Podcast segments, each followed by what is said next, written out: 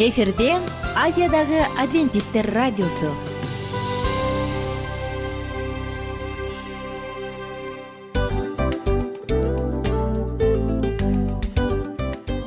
Достор салют. Баардык сүйүктүү угармандарыбызга салам айтабыз. Кутман күнүңүздөр менен. Ден соолук өмүрдүн булагы демекчи саламат саамы программасында баарыңыздарды көргөнүбүзгө абдан кубанычтабыз. Анда алгач амандашып өтөлү арбаңыздар деп. Ден соолугуңуздар кандай элибизде көбүнчө ден соолук кандай дегенде эле жакшы деп жооп беребиз э? ооруп турсак дагы жакшы дейбиз. Анан мен муну айтып ойлойт элем бул абдан сонун сөз депчи анткени бул жакшы деген үмүт да э ооба баары жакшы болот. Баары сонун. Деп үмүттөнүп атып эле өзүбүздү өзүбүз дарылап коебуз. Анысы кандай? Сиздин дагы ден соолугуңуз жакшы беш деген үмүттөбүз чындыгында ден соолук бул өмүрдүн булагы деп бекеринен айтылган эмес деп ойлойм. Кыргыз элинде анткени эгерде ден соолук жок болсо анда адамдын жашоосунда калган баардык керектүү маңыздуу нерселер өзүнүн баалуулугун жоготуп коет. Ошондуктан ден соолук бул эң керектүү нерсе. Ооба туура айтасың кесиптешим. Чынында ден соолугуң жок бир эки үч күн ооруп калсаң эле э кандай болуп калат? Жашоодо көз каранды болуп каласың көп нерсеге жетишпей каласың көп нерсени кыла албай каласың жада калса эшикке дүкөнгө да чыга албай каласың. Туптуура анан ден соолук болсо демек биз биздин бактыбыз тоодой деп койсок болот. Анда достор саламат саамы рубрикабызды баштайлы. Алдыда өзүңүзгө керектүү болгон сонун кеңештерди уга аласыздар. Мына ошондуктан биз менен бирге болуңуздар. Ал эми биз болсо милан жана айнура. Кеттик алга. Алга саламат саама ден соолуктун жарчысы. Саламат саама ден соолуктун ачкычы. Күн сайын сиз үчүн мыкты кеңештер сонун жаңылыктар кызыктуу фактылар биздин рубрикада.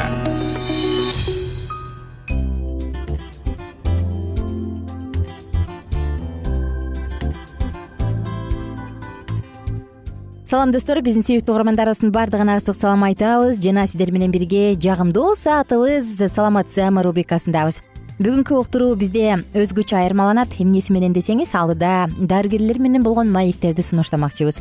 Сөзсүз түрдө достор адамдын ден соолугу биринчи байлык. Муну ар бирибиз билебиз. Адам өзүнүн ден соолугу үчүн баардыгын кылат. Анан тилекке каршы ден соолуктан айрылган учурда колунан эч нерсе келбейт экенин түшүнүп ах аттиң ай деп баш бармагын тиштейт э? Муну көбүнчө ата апаларыбыз чоң ата чоң энелерибиз ай балам жаш кезде ден соолукту карма бутуңа жылуураак кий деп мага көп айтышачу эле да ушинтип менин чоң ата чоң энелерим. Башыңда жылуу кийин кышында жылаңбаш жүрбө үшүп каласың.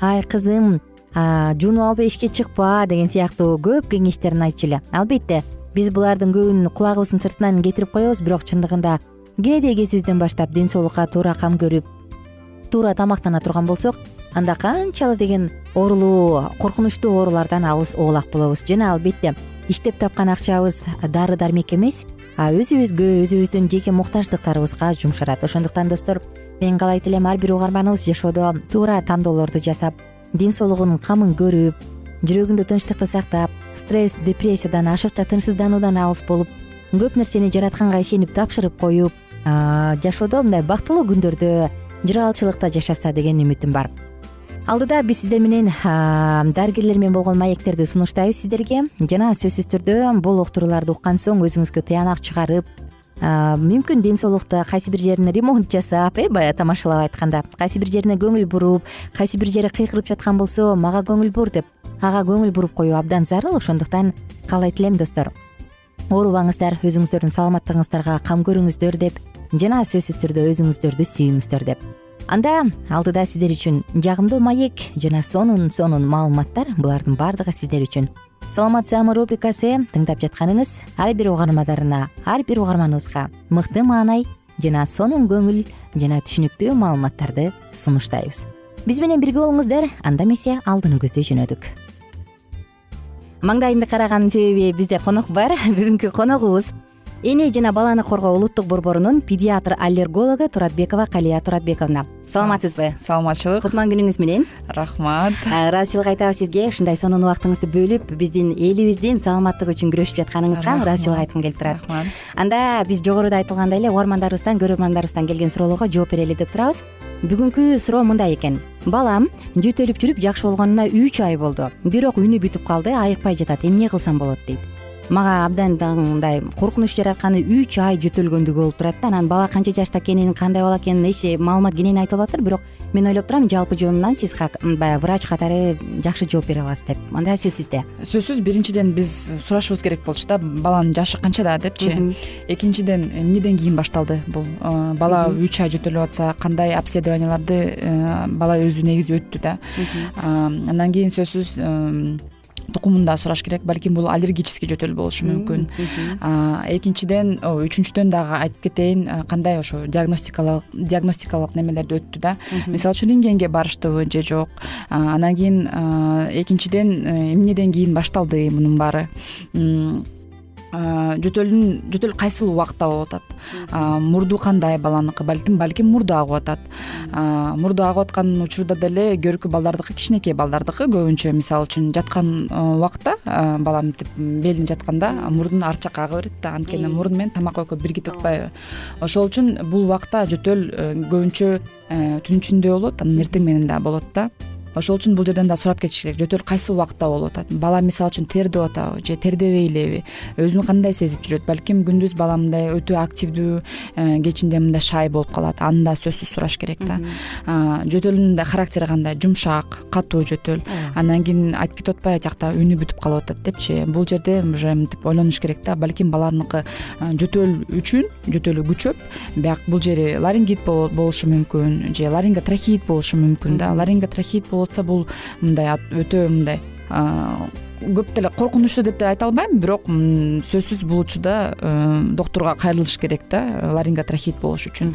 Анан бул жерден айта кетсеңер болмок жашы канча экенин э, биз толук мындай изилдеп мен толук сиздин сурооңузга жооп бергенге аракет кылмак болчумун да. Мындай болушу мүмкүнбү? Баягы балдар ыйлагандачы кааттырып бир катуу ыйлашат го кыйкырып кыйкырып ошондон кийин тамак эртеси бүтүп калып анан анын эртеси жакшы болуп кеткен учурлар болот го бул жерде ал андай эмес окшойт да көрүнүш. Эгерде баласыныкы тамагы көптөн бери ооруп атса анан ошондон улам кайрылуу болуш керек деп турам көрөрманыбыз мындай учурда үйдө мисалы кээде баягы сары май берип койдун майын ичирип батыраак жакшы болсун деп коюшат го мындай ыкмалар туурабы же бул туура эмеспи? жок сөзсүз туура эмес. Мурун биздин ата бабаларыбыз бизге ошентип эле бизди дарылап койчу да. Баардык нерседе койдун майы ооба койдун майда балким бизге ал жардам берчү бирок азыркы балдарга ал такыр жардам бербейт. Мисалы үчүн мен көргөм бир ата эне өзүнүн баласына ошо жөтөлүнөн койдун майын шылап коюптур берип коюптур ал баланыкы аллергиясы күчөп кетиптир. Денесине дагы бөөр жатыш чыгып бала аябай мындай өтө кыйналып келген болчу да. Ошол үчүн сөзсүз түрүндө эч качан койдун майын шыбабаш керек дагы бербей эле коюш керек сары майды деле бербеш керек да. Анан көбүнчө ата энелер кичинекей балдарына алты ай болобу беш ай болобу жөтөлүнүн дарысын бере берет да. Мен айтып кетейин жөтөлүнүн жана мукалтин көп мукалтин ооба азыр түрлөрү аябай көп да бромгексин э, аябай түрлөрү көп. Анан аптекага эле барып эле ала беришет да мага жөтөлдүн дарысын бергиле депчи. Аптекадан кандай аптекадан өздөрү айта беришет да бул дары болот муну ала бергиле депчи. Сироптун түрлөрү азыр аябай аябай көп. Анан мен айтып кетейин беш жашка чейин негизинде жөтөлдүн дарысын берсе болбойт. Эмне себеби үчүн берсе болбойт? Анткени биз мисалы үчүн биз чоң кишилербиз э биз жөтөлсөк биздики жөтөлгөн убакта биз какырыгыбызды чыгарып туруп түкүрүп салабыз. Ооба. Кичинекей балдардыкы жөтөл бар бирок кашлевой рефлекси аныкы өтө мындай аягына чейин еще немете элек да? Э, толук анан э, ошол ошол учурда эч качан балага беш жашка чейин жөтөлдүн дарысын сироп болобу же мындай дары болобу мукалтин болобу берсе болбойт. Анткени ал жөтөлдү жумшартат биякта какырык толо берет бала какырыкты чыгара албайт. Чыгара албаганда какырык эмне кылат? Какырык ылдый түшөт. Анан бул жерден эмне болот? Бул жерден бронхит дагы болот и пневмония дагы болот. Андан кийин ата энелер ушинтип больницага кайрылышат да. Ошондуктан жөтөл эгерде бир топ убакыт тынчсыздандыра турган болсо анда эң эле жакшысы дароо эле дарыканага педиатрга барган э. Биздин убактыбыз соңку мүнөттөргө келип калды. Сизге ыраазычылык айтабыз келип бергениңиз үчүн. Жана достор жалпыңыздар менен кайрадан коштошобуз. Кийинки көрүүлөрдөн көрүшкөнчө сак саламатта туруңуздар. Кененирээк маалыматтар үчүн үч w чекит саламат чекит клуб сайтына келип таанышыңыздар. Жана андан тышкары социалдык тармактарда youtube facebook жана instagram баракчаларына катталыңыз саламат саама ден соолуктун жарчысы. Саламат саама ден соолуктун ачкычы. Күн сайын сиз үчүн мыкты кеңештер сонун жаңылыктар кызыктуу фактылар биздин рубрикада.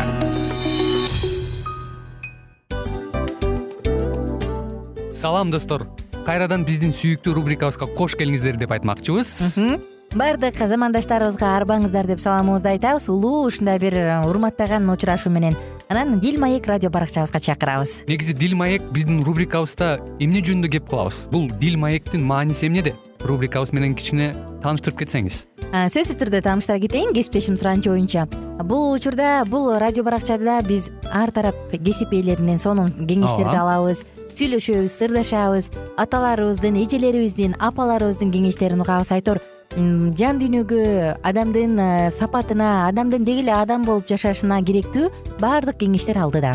Негизи э, дил маек дегенде баягы эки адамдын ортосундагы сырдашуу кенен сүйлөшүү. Негизи эле биз адамдар бири бирибиз менен бир жерге жай жерге отуруп алып өзүнчө тынч э, жашоо жөнүндө өмүрүбүздө эмне болуп атканын бөлүшкөнү жакшы көрөбүз э адамдар. Ооба туура айтасың анан э, мындай учурга кээде убакыт да жетпей келет э. Же болбосо сырыңды кайгыңды муңуңду кубанычыңды айткың келет а адамга ишенбешиң мүмкүн. Ооба. А бул радио баракча угармандарыбыздын чыныгы досу. Анткени бизден алган кеңеш сиздин жашооңузга чоң жардам берет. Ал эми сиздин бизге айта турган сөзүңүз ортодо гана сыр бойдон калат. Ошондуктан биздин дил маек рубрикабызга дагы бир жолу кош келиңиздер. Жана биз даярдаган маалыматтарга даяр болуңуздар. Айнура жана милан сиздер менен бирге алдыга кеттик ар түрдүү ардактуу кесип ээлеринен алтын сөздөр жүрөк ачышкан сыр чачышкан сонун маек дил маек рубрикасында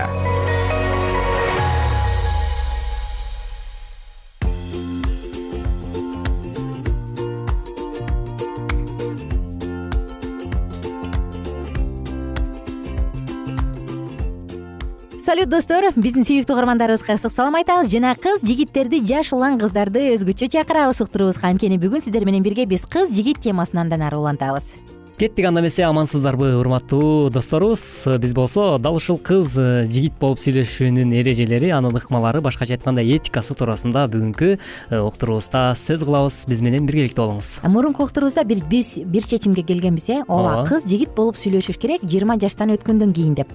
Эми бүгүн мен ойлоп атам ошо кантип сүйлөшүш керек? Сүйлөшөт десе эле э, кучакташып жытташып ар кайсы паркта отуруп сейил бакта же майрамдарда түн кечке чогуу убакыт өткөрүү эмеспи же ошолбу мына ушул жөнүндө сөз кылбайлыбы кандай дейсиң?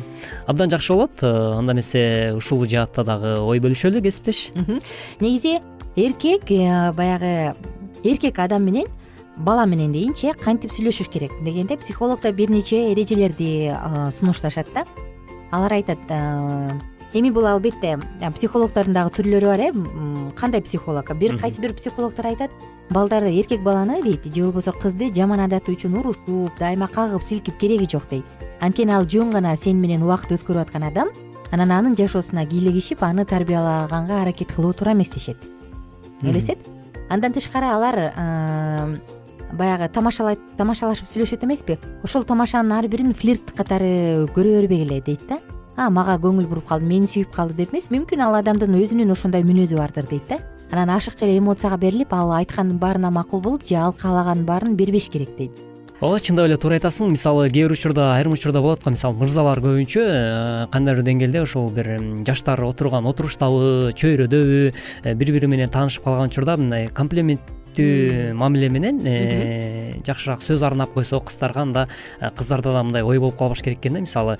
Демек э, тиги жигит мени жактырып калган окшойт мени сүйүп жатат окшойт деп анан мындай мындайча айтканда баягы сокур сүйүү ишенимдерге чөмүлүп кетпеш керек деген дагы ойлорду баса белгилеп келишет. Фантазияңды оздуктай билиш керек э? Ооба сөзсүз түрдө. Ошондой элечи улан баягы эркек бала менен сүйлөшүп жатканда кыздар өздөрүнүн оюн өздөрүнүн ойлогон өздөрүнүн көз карашын баардыгын балага байлап таңуулай бербеш керек дейт да. Мүмкүн дейт ал сенин оюңду укканга азырынча кызыктар эместир дейт. Мүмкүн ал сен ойлогондой эместир дейт. Анан сен эмнеге ушундай ойлобойсуң деп эле жөн эле ага өзүңдүн көз карашыңды таңуулаба дейт. Андан тышкары баягы чын жүрөктөн баягы ачышып чачылышып сыр чачылышып сыр чачып сүйлөшкөндү үйрөнүш керек дейт. Анткени ошондой учурда гана сен эркек баланын кандай экенин биле аласың дейт элестет? Чындап эле эң сонун кеңеш экен. Ал эми негизи кыздарга карата дагы айрым бир адистер кеңеш берип кетишет экен мисалы кыз жигит болуп сүйлөшүүдө дагы сөзсүз түрдө баягы кыз өзүнүн тарапта мындай өзүн мындай олуттуу кармап ошол эле ооба ошол эле сүйлөшүп аткан э, мырза менен сүйлөшүп аткан учурда мисалы мен сүйөм деп колунан кармаппы же мисалы дене башын кармап сыйпалап ушундай бир э, туура эмес иштерди кыла турган болсо андан андай жигиттерден оолак эле болгону жакшыраак деген мындай кеңештерди берип келишет экен да чындап эле мен дагы бул нерсени колдойт элем. Анткени кээ бир мырзалар кандай максат менен жана кандай мындай ой менен ал кыз менен мисалы мамиле кылып жатат. Ошону дагы ар бир айым мындай эсине тута билгени абдан маанилүү экен. Ушул эле жерден жана мен жогоруда айтылгандай адамдын жаш курагы да абдан мааниге ээ. Э анан кээде карап отуруп аябай таң каласың да анан эмнеге чыгып алдың эле? Сен кичүү бала экенин билип туруп десең ал сүйлөшүп жүргөндө башка болчу. Ал мени сүйчү ал мага өзгөчө көңүл бурчу аны мен кантип сүйүп калганын билбейм дейт го. Ушул стадияга жеткенчекти эле баягы бала мамиле кыла баштагандачы а бул кичүү бала экен мен кайнене кайнатам менен жашагым келбейт жок деп туруп эле баягы эки адамдын тең ойлору бири бирине байланып калган чакта эле чекит коюп койгон туура окшойт деп ойлойм да. Андан кийин же болбосо сен айткандай жанагындай кармалап сермелеп бир ашыкча чектерден аша баштаса демек бул бала жөн гана убакытты мен менен өткөргүсү келет экен. Келечекте мен менен жашачу планы жок экен деп туруп мындай токто болду болду токто сен анда бул үчүн башка кызды изде деп койгону туура экен да. Абдан сонун ошондой эле ошондой эле карай турган болсок эгерде биз жигит менен сүйлөшүп атсак жигит менен сүйлөшүп атсак анан кийин андан кийин анын баягы кайсы бир кылык жоруктарын көрө баштасак туура эмес кылык жоруктарын анда ии таарынып калат го деп айтпай коебуз го. Айтыш эле керек дейт элестетип көр айтыш керек дейт. Ошол учурда эле адамдын катасын мойнуна алганды билери же билбеси байкалат дейт. Мисалы биз эми жыйырма жаштан өтүп аң сезими калыптанып калган болочок түгөйүн издеп аткан адамдар жөнүндө сүйлөшүп атпайбызбы э кайсы учурда сүйлөшүш керек дегенде бул жыйырма жаштан өтүп үйлөнүүгө даярданып аткан адамдар да ошондо мисалы кийин элестет сенин жаныңда катасын көрбөй эле сени эле күнөөлөй берген адамды көргүң келбесе анда адамдын мисалы айнура сенин ушул жериң жаккан жок мага ушул жериң мага жагымсыз болуп калды. Ушул ушул жериң мага жаман сезилип атат деп ачык айтканды үйрөнүш керек дейт да.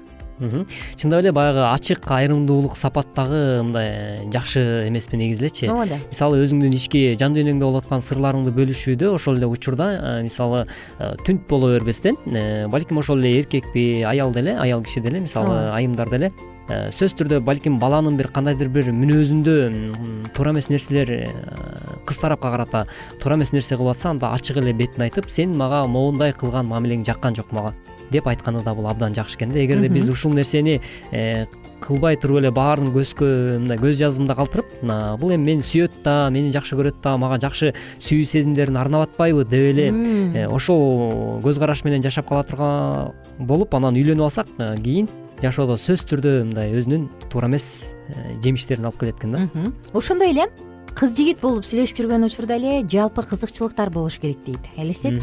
Эгерде мисалы бала инженер болуп түнт адам такыр башка чөйрөдө такыр башка максаты бар болсо айым болсо мугалим болсо көп сүйлөсө анын кызыгуулары такыр башка болсо анда болочокто аларды жөн гана баягы төшөк маселеси үй бүлөдөгү үй тиричилик эле бириктирип калбайбы деген суроону дагы чоң тамга менен коюш керек дейт. Анткени кызыкчылыгы максаты бир адамдарда сүйлөшүп жүргөндө эле бир боло турган болсо анда кийин дагы ошол максаты бир бойдон калат дейт да. А баягы кооз кийингенине берген белегине алданып кала турган болсо анда кийин тилекке каршы үйлөнгөндөн кийин чоң көйгөйлөр жаралышы мүмкүн дейт сөзсүз түрдө анын акыры айтпасак да белгилүү ар кандай э, жаман адаттарга жана жаман э, мындай үй бүлөнүн тагдырынын талкаланышына дагы жол ачып коюшу толук мүмкүн эмеспи бизге бөлүнгөн убакыт дагы өз соңуна келип жетип калыптыр кесиптеш. Э, эми биз болсо ушуну менен азыр убактыбыз дагы ченелүү болгондуктан коштошууга аргасызбыз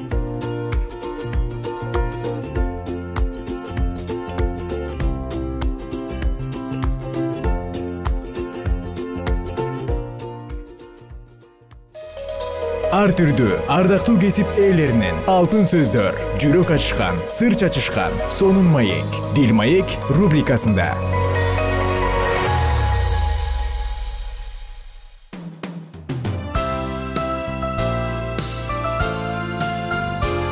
Эфирде азиядагы адвентисттер радиосу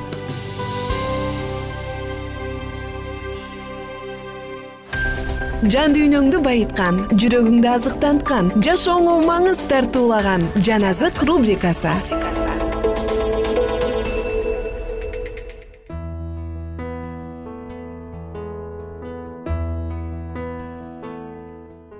салют достор. Кутмандуу күнүңүздөр менен урматтуу угармандарыбыз кайрадан эле биз сиздер менен жан азык уктуруусунда уктуруубузду баштамакчыбыз. Кызматыңыздарда мен улан жана ошондой эле менин кесиптешим. Айнура сиздер менен биргебиз салют достор. Баардык угармандарыбызга ысык салам айтып сабырдуулук жөнүндөгү темабызды андан ары улантабыз. Сабырдуулук деген эмне? Анан биз мурунку уктурууда кесиптешим экөөбүз. Сабырдуу адамдын образын түзүп атканбыз э? Ооба. Мен ага токтоолукту анан бирөөнү сыйлап оюнууга билүүнү кошком.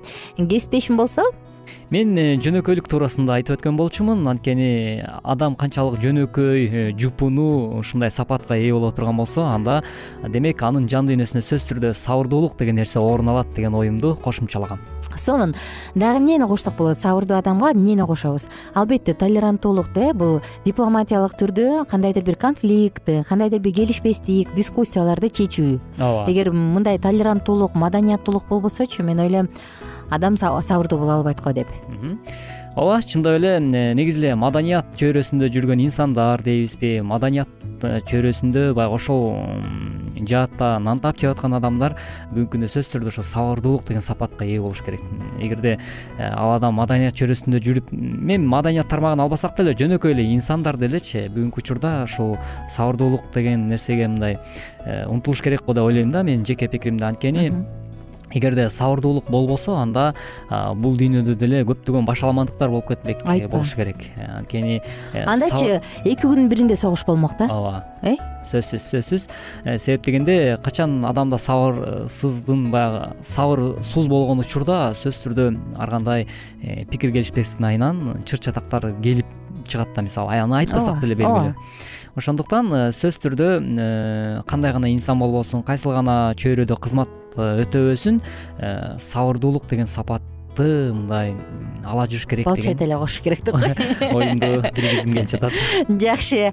Мен дагы сылыктыкты да кошмок элем да сабырдуу адам деп. Бул сылыктыкты кошмок элем. Эгер адам сылык болбой орой болуп турса ал адамды о бул сабырдуу адам деп айтыш кыйын го дейм э аябай элечи ошондуктан сылыктык айкөлдүк сыяктуу сапаттарды кошкум келет эле да.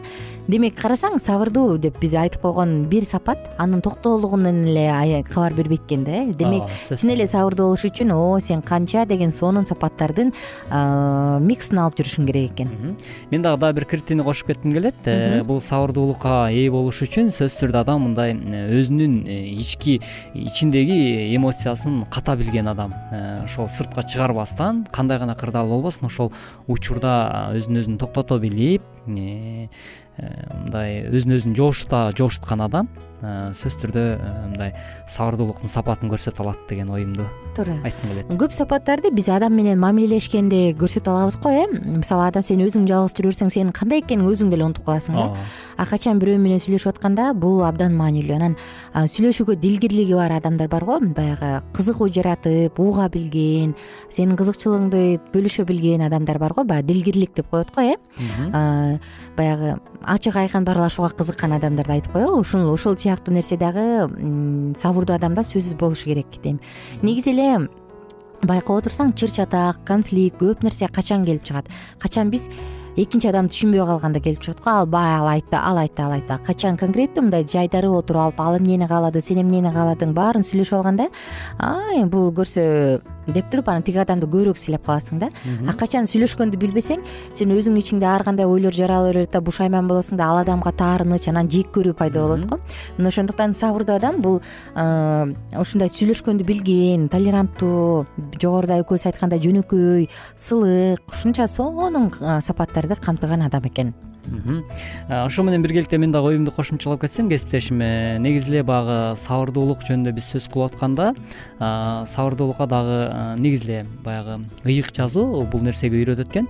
Биз э, негизи руханий жактан ыйык жазуунун негизинде дагы э, кээ бир ойлорубузду кошумчалаганга туура келип жатат. Себеп дегенде тынчтыктын мындай адамы болуш керек экен да. Анткени тынчтыгы жок адам менен сен баарлашсаң анда ал ошол тынчтыкты бузат. Эгерде сен тынчтыктын адамын таба турган болсоң анда сөзсүз түрдө анда мындай сабырдуулук сапат бар экенин сен баамдап биле аласың ошондуктан жогоруда сен айтып өткөндөй эле сөзсүз түрдө э, баягы сыртынан аны айыптап өзүң менен өзүң болуп эле жүрө берсең баягы аны менен пикир алышпасаң анан кичинекей бир болоор болбос нерсе үчүн өткөндө мага мындай мамиле кылып койду эле анан деп анан бирөөлөргө ал жөнүндө жамандап улам улам айта берүү бул дагы мындай тынчтыкты буза турган бир сапатка ээ болуп калат экен да. Ошондуктан ким менен сүйлөшүп атпа ким менен мамиле кылып атпа ошол учурда сен мунун жүрөгүндө түпкүрү кандай бул тынчтыктын адамымы деп биз мындай билгенге аракет кылган да абдан маанилүү экен да. Анткени тынчтык бар жерде ар дайым кубаныч сүйүү болот ырызкы да болот э? ошондуктан туура айтасың. ошондуктан сөзсүз түрдө ушундай сапатка ээ болгон адам сөзсүз түрдө ал сабырдуулук сапатка да ээ болот деген ойдомун баягы тамашалап дагы айтып коюшат эмеспи албетте. Чындыгы бар. Эмнеге эки кулак бир ооз деп э? Анан баягы укканга жай бол дейт ой тез бол дейт. Сүйлөгөнгө жай бол дейт да элестет э? Мына бул дагы бир сабырдуулуктун бирден бир мааниси. Уктуң ойлондуң анан шашпай сүйлөдүң ооба абдан ушул сөздү туптуура айттың кесиптешим себеп дегенде кыргыз элинде да улуу эң сонун бир макал лакап бар. Азыраак сүйлөп көп тыңша дейт да. көбүрөөк тыңша дейт. Андыктан азыраак сүйлөп көп тыңдай билген адам демек бул уга билген адамды түшүндүрөт эмеспи андыктан. Биз ушундай сапаттарга ээ болсок анда сөзсүз түрдө жашообузда сабырдуулук деген нерсе жүрөктүн түпкүрүндө орун алат деген ойдомун жакшы. Демек биз бүгүн сиздер менен сабырдуу адамдын образын түздүк кандай болот экендигин түздүк мен дагы каалайт элем ар бир угарманыбызда менде өзгөчө дал ушул сабырдуулук деген сапат болсо анын түбү чын эле сары алтын э? Анын түбү чын эле ырыс анын түбү чын эле тынчтык анан бактылуулук. Ошондуктан достор сабырдуулуктан баш тартпастан тескерисинче умтулалы колдон келишинче маданияттуу адептүү адам экенибизди көргөзүп башка бирөө көрсүн деп эмес өзүбүз үчүн көргөзүп бул нерсени сактай турган болсок мен ойлойм көптөгөн согуштарды көптөгөн кыйынчылыктарды көптөгөн конфликттерди чечип койсок болот. Коштошчу учурга келдик кесиптеш урматтуу угармандарыбыз бизге бөлүнгөн убакыт дагы өз соңуна келип жетип калды. Анда эмесе сиздер ар дайым ушул сабырдуулуктун символикасы болгон бул толеранттуулук экен. Андыктан ушундай ар дайым жан дүйнөңүздөрдү толеранттуулук сапатка байыта бериңиздер деген тилек менен сиздер менен коштошмокчубуз. Достор күнүңүздөр көңүлдүү улансын бар болуңуздар бай болуңуздар кайрадан амандашканча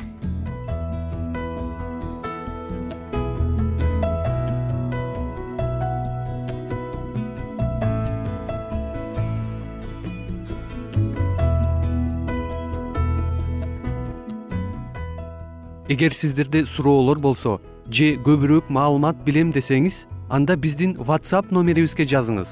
Плюс бир үч жүз бир жети жүз алтымыш алтымыш жетимиш. Кайрадан плюс бир үч жүз бир жети жүз алтымыш алтымыш жетимиш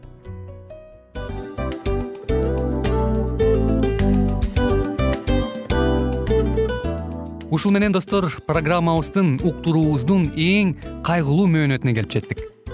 Кайгылуу дегенде ыйлагым келип кетти кесиптеш. Кадимкидей. Анткени баягы учурашасың анан коштошуу учур келгенде ии кантип ии эми эми бат баттан келиптир э сагындырбай деп атып араң коштошобуз го анысы кандай угармандарыбыз менен коштошчу учур келди. Кийинки уктурууларды сагыныч менен жүрөгүбүздө кусалык менен күтөбүз жалпыңыздарды анан жарым сааттык уктуруу көз ачышым канча өтүп кетти.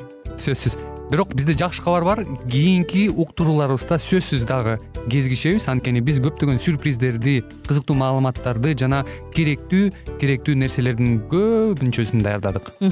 Андай угармандарыбыздын баардыгына ийгиликтүү күн каалайбыз. Эгерде бүгүнкү күнүңүз өзгөчө өтүшүн кааласаңыз анда позитивдүү ой жүгүртүп жылмайып жакындарыңызга жакшы маанай тартуулап жүрө бериңиз анткени сөзсүз түрдө мунун арты кайтат э? Сөзсүз. Баягы ден соолугуң оңолот ал бул деп көп нерсени санап келебиз. Эң негизгиси бул сиздин жашооңузду жаркын кыла түшөт экен.